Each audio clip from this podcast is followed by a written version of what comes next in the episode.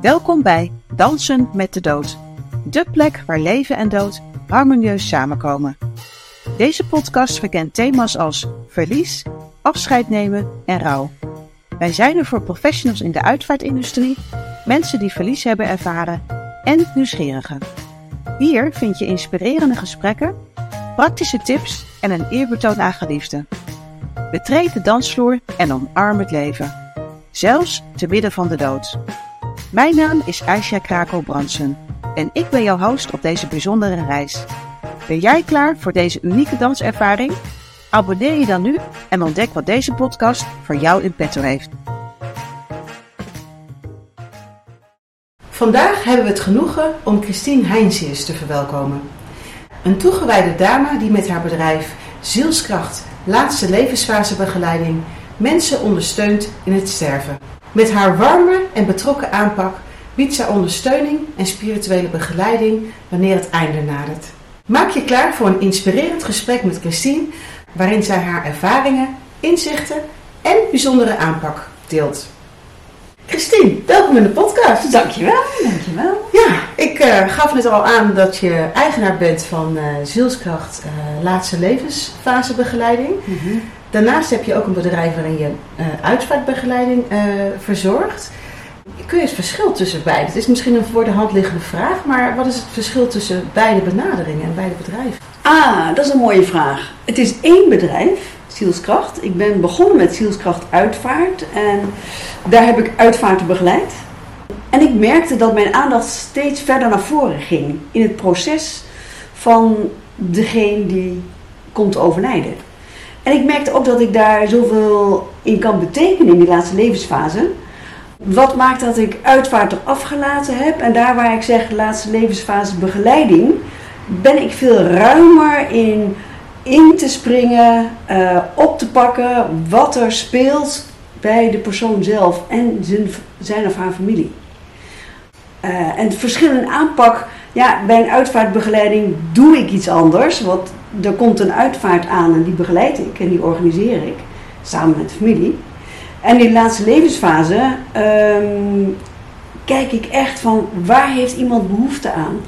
Wat ik merk is dat, um, dat er in die laatste levensfase van alles naar voren kan komen in de familie en bij de persoon die te maken hebben met het afronden van, een, uh, van het leven. En het kan een praktische zin zijn, maar zeker niet alleen in de praktische zin, ook in de emotionele zin. Waar ik uh, mensen mee verder kan helpen, zodat ze met een gerust hart kunnen gaan. Dat is altijd mijn uitgangspunt. Ja, want het grote verschil is inderdaad, iemand leeft nog of iemand is al gestorven. Ja. En um, ja, je geeft ook aan, de, de, omgeving speelt hier ook een hele belangrijke rol in. Ja. En hoe, hoe geef je dat dan vorm en uh, hoe, hoe gaat het in zijn werk dat je aan al die wensen kunt voldoen? Ah ja, um, dat weet ik ook nooit van tevoren. Dat is eigenlijk het leuke. Ik, uh, zodra ik gevraagd word om te komen, is er een aanleiding om mij te vragen. En niet alleen een sterven is een aanleiding, maar, maar uh, vaak ook een probleem die zich voordoet, uh, een angst. Of ja, het kan eigenlijk van alles zijn. Dan kom ik en dan hoor ik, zie ik, voel ik wat speelt. En wat voor angsten kom je zo al tegen bij iemand? Uh, de angst om het leven los te laten. Is dat dan omdat de ze niet weten wat te ze sterven? Ja. Omdat Ja. ze niet weten wat ze te wachten staat of omdat ze hun naaste Ja. misschien niet ja, je vult het goed in, inderdaad. Ja. Ja, het, en het kan op verschillende niveaus. De deuren die klappen. Ja, kijk, de wind gaat hier doorheen en eh, is met ons. De wind is ook een ziel misschien, hè? Jazeker, jazeker, jazeker. Wat dat betreft, ik werk veel met, de met de natuur en ik werk ook met dat wat we ervaren op dit moment. Ehm, en dat is waarom ik ook geen vast eh, protocol heb van zo pak ik het altijd aan. Ieder mens is zo uniek.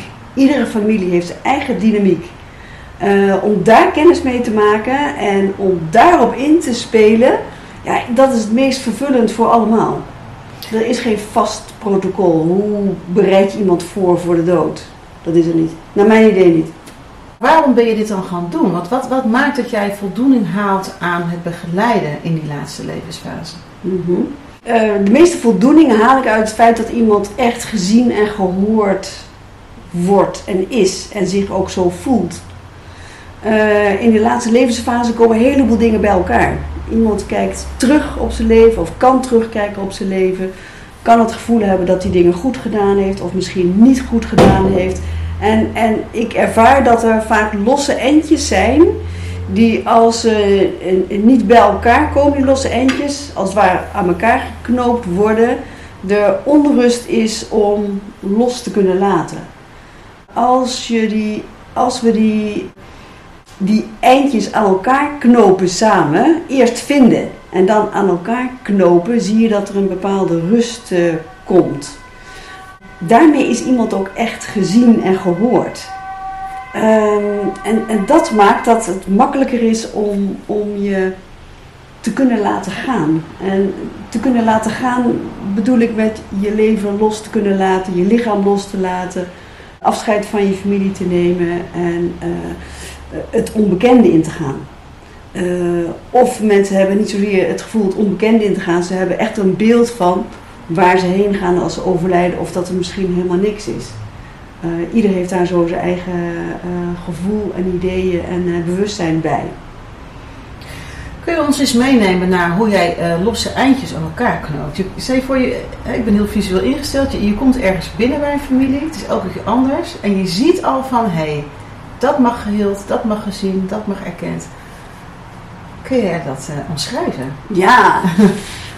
um, laat ik vooropstellen dat ik een, een gevoelige antenne heb. Um, daar bedoel ik mee is dat ik veel kan waarnemen, veel kan zien, kan horen en kan voelen.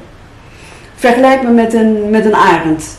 Een arend uh, vliegt hoog, uh, overziet een heel geheel, maar kan ook heel specifiek een detail zien.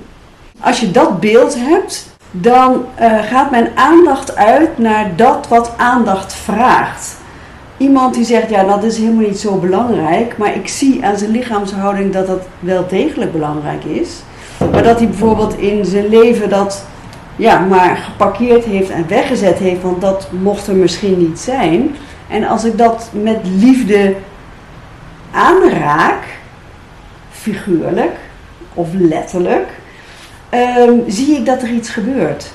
Vaak zijn dat de, ja, de punten waar mensen last van hebben. Uh, als ik ze boven water haal, ze mogen uitgesproken worden. Zie je dat er, uh, dat er uh, in de dynamiek van de familie ook iets anders ontstaat. Iets wat je altijd weggestopt hebt en de familie weet het ook. Dan weten ze van elkaar van ja, zo is het normaal. Maar ja, wat is normaal? Op het moment dat je het wel naar voren kan halen, kan het ook een opluchting zijn voor de hele familie. Ik moet even denken, ik heb uh, een, uh, kort geleden een begeleiding gedaan in de laatste levensfase.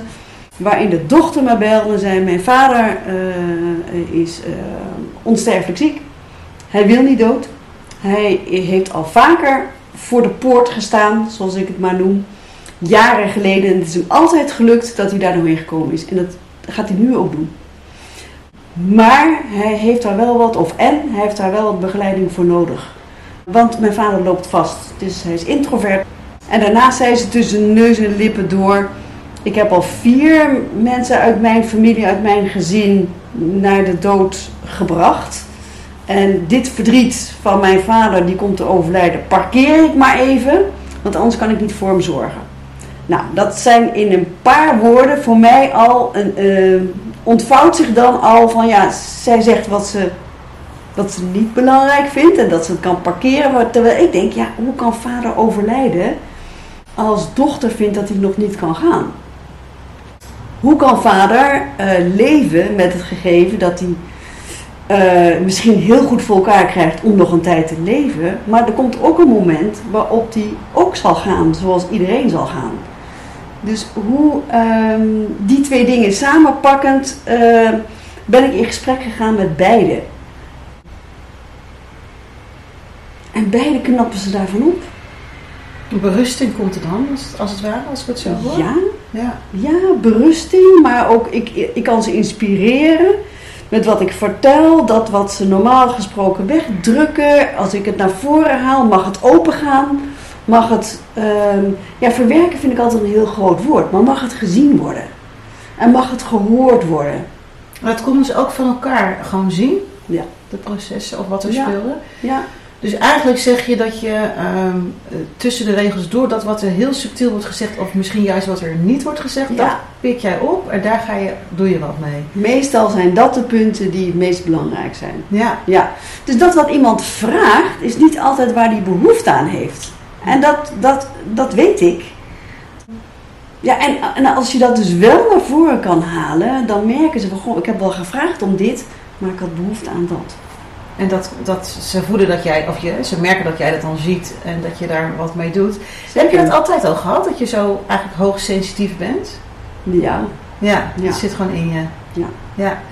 En de naam zielskracht vind ik ook een hele betekenisvolle. Want ik, ik weet dat jij eh, eh, ja, zeg maar gelooft in een ziel die de eeuwige reis maakt. ja. Ehm, niet iedereen denkt zo, maar Nee. je hebt wel heel bewust gekozen voor de naam. Heb je Ja. daar nog enige twijfel over gehad? Of wist je van, daarmee bereik ik ook de juiste mensen?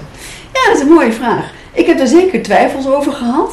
Eh, want ik kom vanuit eh, een, een, een, een uitvaartverzorging wat veel strakker in elkaar zat.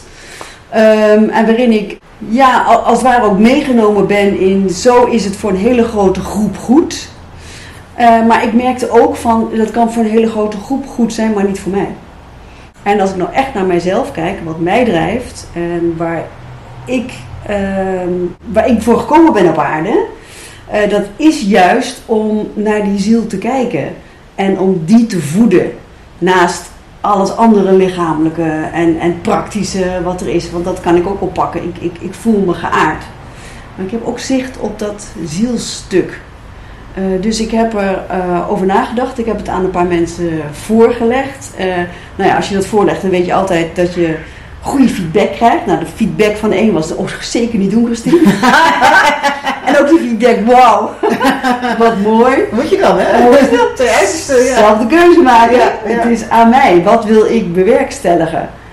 En hoe zuiverder ik ben in wie ik ben en wat ik wil bewerkstelligen, eh, hoe, hoe beter het resoneert op de groep mensen die daar graag gebruik van willen maken. En dan klopt het als het ware. En heb je, eh, wat, je geeft aan, er zijn eigenlijk dus mensen die daar ook open voor staan. Of zie je dat het bijvoorbeeld ook mensen kunnen zijn die gelovig zijn of juist atheïstisch? Wat voor soort mensen komen bij jou? Nou ja, dat is dus heel gevarieerd. Ja. Wat, eh, wat ik ook heel erg leuk vind. En het is aan mij de kunst om zodanig aan te sluiten bij de ander, vanuit respect en vanuit liefde, om van daaruit iemand verder te helpen. Als het erom gaat dat iemand echt heel gelovig is, eh, heb ik gemerkt, zullen ze mij niet zo vragen. En dat, dat snap ik ook heel goed. Dan hebben ze veel meer eh, baat bij iemand die vanuit het geloof daarin opgeleid is en nou, veel meer bijbelse verhalen wellicht kan vertellen. eh, en dat kan, dat kan ik niet, want die binding heb ik daar gewoon echt niet mee op die manier. Nee. Kunnen ze beter wat traditioneler eh, uitvaartbegeleider, eh, een traditionele uitvaartbegeleider in de arm nemen? Ja. Ja, of juist een eh, pastoor of een predikant die ze juist in die laatste levensfase helpt. Daar, want, want, want je ziet in zo'n laatste levensfase, je, je, je gaat iets, iets tegemoet wat, wat onbekend is. Als iemand iets tegemoet gaat wat onbekend is, dan, dan is het een vrij natuurlijke houding van mensen om terug te grijpen in oude tradities. Want daarbij voel je je veilig. En je gaat niet in een hele nieuwe situatie hele nieuwe dingen aan. Dan mis je helemaal de grond onder je voeten. Dus dat gebeurt, eh, dat gebeurt niet veel. Eh, wat wel vaker gebeurt is dat, eh, dat ik in een gezin kom waarin een gedeelte van, van de familie kerkelijk is en de andere familie niet. Dat vind ik ook een hele mooie dynamiek. Want ik, ik kijk dan met, met de ogen van hoe kan een ieder met zijn eigen eigenheid afscheid nemen. En soms is dat niet allemaal op eenzelfde manier en op eenzelfde moment. Stel dat vader of moeder heel kerkelijk is en de kinderen totaal niet. En die voelen zich gewoon niet happy in de kerk. En vader heeft gezegd, er moet wel een kerkelijke uitvaart worden. Je ziet me al slikken. Ja. Dan vragen ze, wat doe je dan? Ja, nou ja, voor mij, eh, ik, ik, ik voel even in voor diegene die niet kerkelijk is. Want voor mij is het geen punt om te begeleiden. Ehm, maar waar ik dan kijk, naar kijk is, ehm, dan zal een gedeelte van het gezin zich fijn voelen bij het afscheid in de kerk en de ander niet. Die zou zich kunnen storen of die voelde zich daar niet op een gemak. En het is toch het afscheid van je, van je ouder, wat niet makkelijk is. Dan kijk ik van wat voor momenten zijn er nog meer waarop diegene op een goede manier afscheid kan nemen. En dat, dat bedoel ik met, soms is het niet allemaal gezamenlijk op éénzelfde manier. Ja, nou, op die manier kun je dan toch aan ieders wens uh, voldoen. Hè? Dat je bijvoorbeeld uh, wat kerkelijke elementen in de dienst doet, wat bijvoorbeeld in een uitvaartcentrum is, of juist in de kerk, maar dan niet volgens het hele riedeltje. Daar is natuurlijk heel veel in te variëren. Precies. Maar ik denk, als ik jou zo'n verhaal ja. zo hoor, dat het, het begint met openstaan van wat wil, is ieders wens. Daarna luisteren, dat gaan we uitspreken. En ja. op die manier kom je dan tot een heel mooi, ja. mooi afscheid. Maar wat grappig is, je zegt wat is ieders wens? Uh, wat ik ervaar is dat, uh, dat, dat veel mensen het helemaal niet moeilijk vinden om zich even terug te houden. En te zeggen, ja, papa's wens was in de kerk, dus doe ik dat. Dat is mooi, maar er kan ook een forcering in zitten. Een forcering in zitten van, oké, okay, dat doe ik voor hem. En dat is niet erg om het voor hem te doen. Maar dan kijk ik ook, wat is het moment voor jou? En hoe kunnen we dat inrichten? Ja. Want daarmee ga ik jou namelijk zien en ervaren. Uh, dus het is niet vaak een wens, um, maar ik kijk gewoon verder. Wat is de behoefte? Nou, jij bent wel iemand die anders kijkt naar de dingen. Dus dat is wel heel mooi dat je dat erkent. Ja. Dat dat er is. En je gaf net ook aan van um, uh, de natuur speelt een belangrijke rol ja. voor je. Uh, kun je ons meenemen naar op wat voor manier dat dan is in jouw bedrijf? Mm -hmm. um, als ik mensen begeleid in de laatste levensfase, dan ervaar ik dat als ik binnen zit. Um, een tafel voor me wellicht, een stoel aan de andere kant, dat je daarmee een setting hebt waarin je eigenlijk weinig intimiteit en vrijheid creëert. En als, uh, als de ander zich vrijelijk uh, wil uitspreken, dan doet een setting heel veel. Als ik mensen meeneem naar buiten, ze zijn mobiel, uh, of als ik ze in een rolstoel duw en we kijken allebei naar dezelfde kant, dan is dat veel gelijkwaardiger dan dat ik tegenover iemand zit uh, waarbij die ja, het gevoel heeft dat ik hem wel even zal helpen. Iemand helpt eigenlijk altijd zichzelf. En ik faciliteer het. En ik kan het goed faciliteren uh, als daar zoveel mogelijk ontspanning op zit. Het is al spannend genoeg. En die ontspanning kan je, kan je, kan je, buiten, kan je buiten vinden. Ik ben er ook bewust van dat, dat, omdat ik ook geen programma heb, heel erg in het hier en nu wil blijven. Want het hier en nu biedt het zich aan. En ook in wat er op dat moment gezien wordt door ons in de natuur en hoe je dat kan interpreteren. Heb je het over de seizoenen dan bijvoorbeeld? Nou, niet alleen seizoenen, maar ook een windvlaag die langskomt. Een vogeltje wat langskomt. Een, een haas die, uh, die, die wegschiet. Een, een tak die uh, op een bepaalde manier hangt, wat een associatie geeft. Het is talrijk. Het is heel magisch als je het op die manier, als je het op die manier ja, kan zijn in de natuur. Ja, de synchroniciteit van het leven eigenlijk. Hè? Ja. Jij zegt het. Ja. je zegt het. Je bent er thuis. Uh, ja, het is ook mijn uh, interesse inderdaad. Ik wou zeggen. Ja, ja. ja, mooi. We hadden laatst ook een gesprek waarin je benoemde dat je uh, met spirituele opleidingen bezig bent. Ook ja. om jouw bedrijf, de mensen die je begeleidt, ja, met nog meer verrijking te benaderen. Wat kun je daarover vertellen? Ja, ik ben me aan het uh, voorbereiden en aan thuis aan het raken in een, een, een hele uh, speciale manier van hypnose. En uh, bij hypnose denk je misschien meteen aan van ja, dan laat je mensen van alles doen wat ze misschien helemaal niet willen. Dat soort hypnose is het niet. Het is eigenlijk een, een vorm van een hele diepe meditatie. Waarin je los van je lichaam kan komen.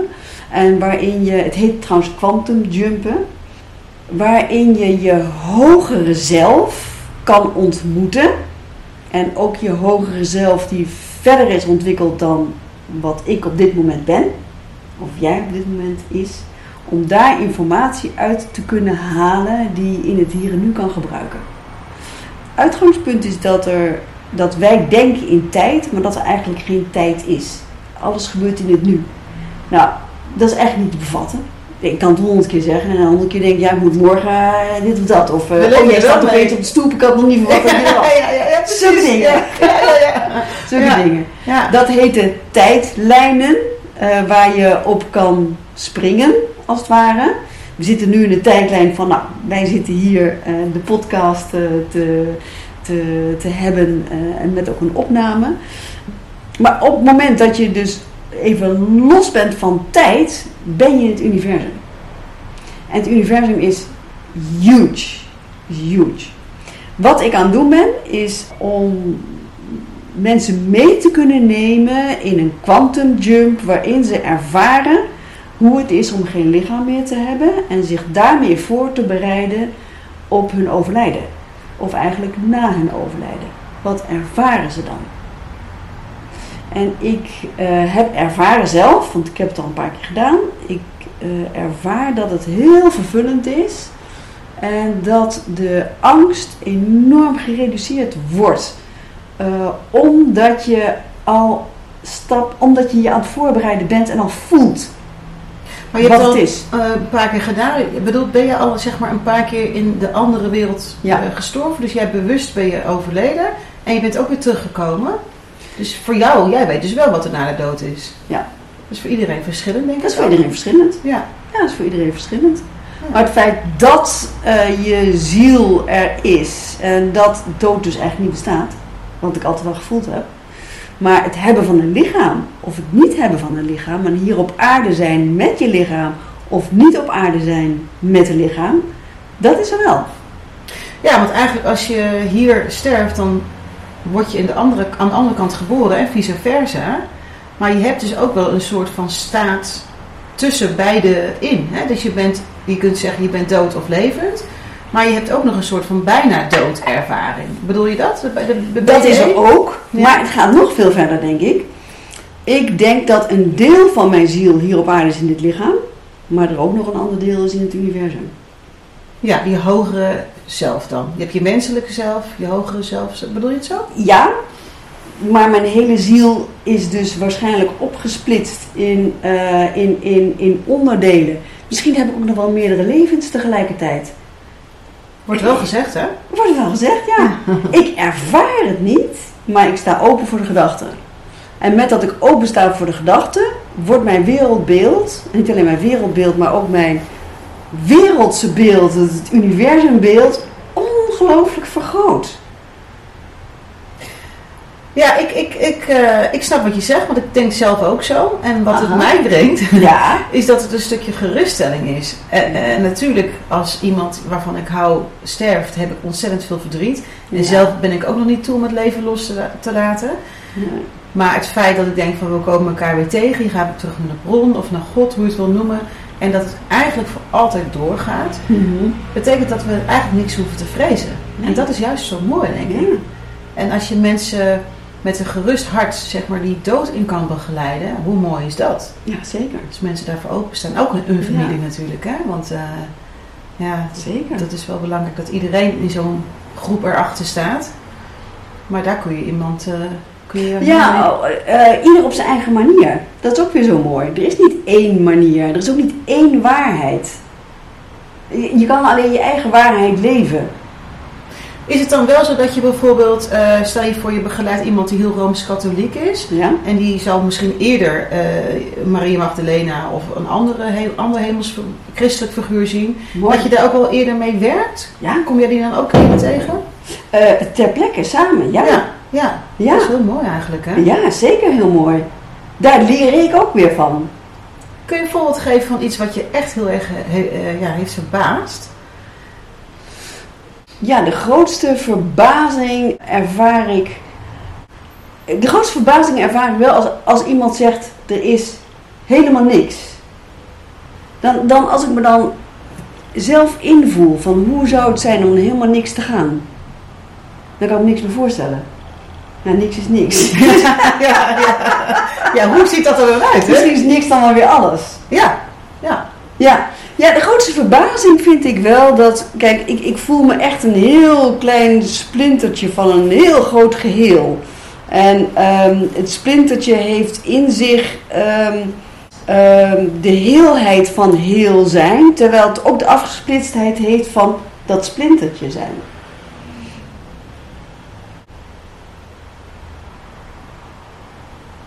Wat wil ik daarmee zeggen? Ehm, ik kan me niet meer goed eh, eh, verbinden met het gevoel dat alles afgeschermd is of afgesloten is van elkaar. Ik, kan me niet voorstellen. Als ik naar de natuur kijk, dan, heeft, dan gaat alles vanzelf en moeiteloos. Wij mens hebben, hebben een enorme struggle. Toen ik denk, doe toch eens niet goed volgens mij. waarom, waarom kan het niet gewoon vanzelf gaan? Ja? Alles komt weer terug op een andere manier. Alles transformeert, transmuteert. Ja, hoe kun je dan mee, hoe, kun- hoe kunnen we dan als mensen het gevoel hebben dat het met ons dan opeens niet zo is? Kan toch niet? Hoe zouden we daar anders mee om kunnen gaan? Wat zouden we kunnen veranderen in het dagelijks leven om meer die verbondenheid te ervaren? Ja, ik denk je hart openzetten. Op het moment dat ieder zijn hart openzet, je het gewoon voelt dat het anders is. Ja, en toch, als je dan kijkt naar de conflicten die er zijn, ze hebben allemaal passie voor daar waar ze voor strijden. Ja, Dus dat er Ja. toch, ontbreekt toch nog wel ergens een stuk. nou dat denk ik niet. Eh, de aarde heeft dualiteit in zich. Het licht en het donker. Je, je ervaart het licht pas als je het donker kent. Als je in het donker een kaarsje aansteekt, dan zie je pas dat het donker is, want je ziet het licht. Dus die dualiteit, eh, je- als je beide kanten hebt, dan kan je ze ervaren. Anders zijn ze er niet. En, en dat is volgens mij inherent aan hier op aarde, dat we die dualiteit hebben. En daar gaan we ook helemaal geen afscheid van nemen, die blijft er zijn. Het is alleen wel de vraag, hoe verhouden we ons ertoe? En wat willen we bewerkstelligen met z'n allen? Dus eigenlijk zou je misschien het niet eens als slecht kunnen bestempelen, maar meer als het is. De, er Ja. is een balans tussen beide Ja? en dat is wat het is. Jazeker. Ja, en dan is de vraag, hoe verhoud ik me daartoe? Dat is aan, aan ieder de keus. Hoe verhoud ik me daartoe? Als ik woedend ben over een oorlog in de Oekraïne met Rusland, dan voed ik als het ware die dualiteit daar. Eh, die dualiteit is er. De, de, de uitdaging voor mij, maar misschien ook wel voor iedereen is, is hoe verhoud ik me ertoe? Wat voed ik en wat voed ik niet? Als ik bijvoorbeeld eh, stelling neem in eh, de oorlog in Oekraïne en Rusland, stelling neem van ik ben voor de een of ik ben voor de ander, dan voed ik iets. Ik zou oorlog helemaal niet willen voeden. Dus wat ik doe is, is ik verbind me er niet mee. Het is er en ik zal het niet negeren. Eh, maar ja, wie ben ik om te zeggen wat goed en fout is in de wereld? Dat kan ik niet. Dat, gaat, dat is buiten mijn scope om. Ik kan alleen wel zeggen van, ik zou er niet voor kiezen eh, om... Ja, ik zou nu zeggen om iemand dood te schieten, maar eh, op het moment dat het, dat, het, dat het water aan mijn lippen staat, zou ik het misschien wel doen. Weet je, Ik kan nooit nooit zeggen. je hè? kan nooit nooit zeggen. Je kan alleen zeggen, ik wil zo respectvol mogelijk wil ik leven. Zonder veroordeling eigenlijk. Zonder veroordeling en met liefde. Ik heb ooit een boek gelezen, eh, misschien ken je hem wel, van eh, Neil Donald Walsh. Een ongewoon gesprek met God. Ja, ja, ja. Fantastisch, ja, dat was echt, eh, dat was echt prachtig. mijn bijbel. Ja, ik heb al zijn boeken verslonden. Ja, ja, ik was ook teleurgesteld toen hij op een gegeven moment zei, ja, dit wordt mijn laatste deel. Toen was ik echt een beetje paniek van, nee. maar hij zei ook altijd van, wat zou liefde, liefde doen? En Ja. dat vond ik altijd zo'n Heel mooie mooi. zin. En eh, ik denk echt als we inderdaad met z'n allen daarmee ons verbinden, Ja, mooi. ja, in plaats van wat, wat, net wat je aangeeft, van alles wat je eh, aandacht geeft, dat, Dat groeit. Dus Ja. dat, eh, Ja. ja, heel mooi. Ik eh, begrijp van de families die jij eh, begeleidt dat je op een of andere manier met heel veel warmte ook ze eigenlijk in hun, in hun kracht of zo laat staan. Zonder dat Ja. ze dan doorhebben misschien van hé, hey, ik wist niet dat ik zo krachtig was of dat ik dit, dit kon. Hoe, hoe, hoe doe je dat zo? Ja, dat is een raadsel, dat weet ik ook niet. ja, hoe doe je dat? Ja, eh, met mijn zijn zeg ik dan maar. Met mijn zijn. Met mijn manier van zijn. ja, ik heb daar geen, ik kan, ik kan er geen beter antwoord op geven eigenlijk. Nou, ik vind het een heel mooi, mooi antwoord. En uh, je bent een mooi mens. Dankjewel voor jouw uh, uh, warmte. Dank je. Dankjewel voor deze aandacht dat ik het kon vertellen zo. Ja. Mooi, okay. dankjewel. Ja.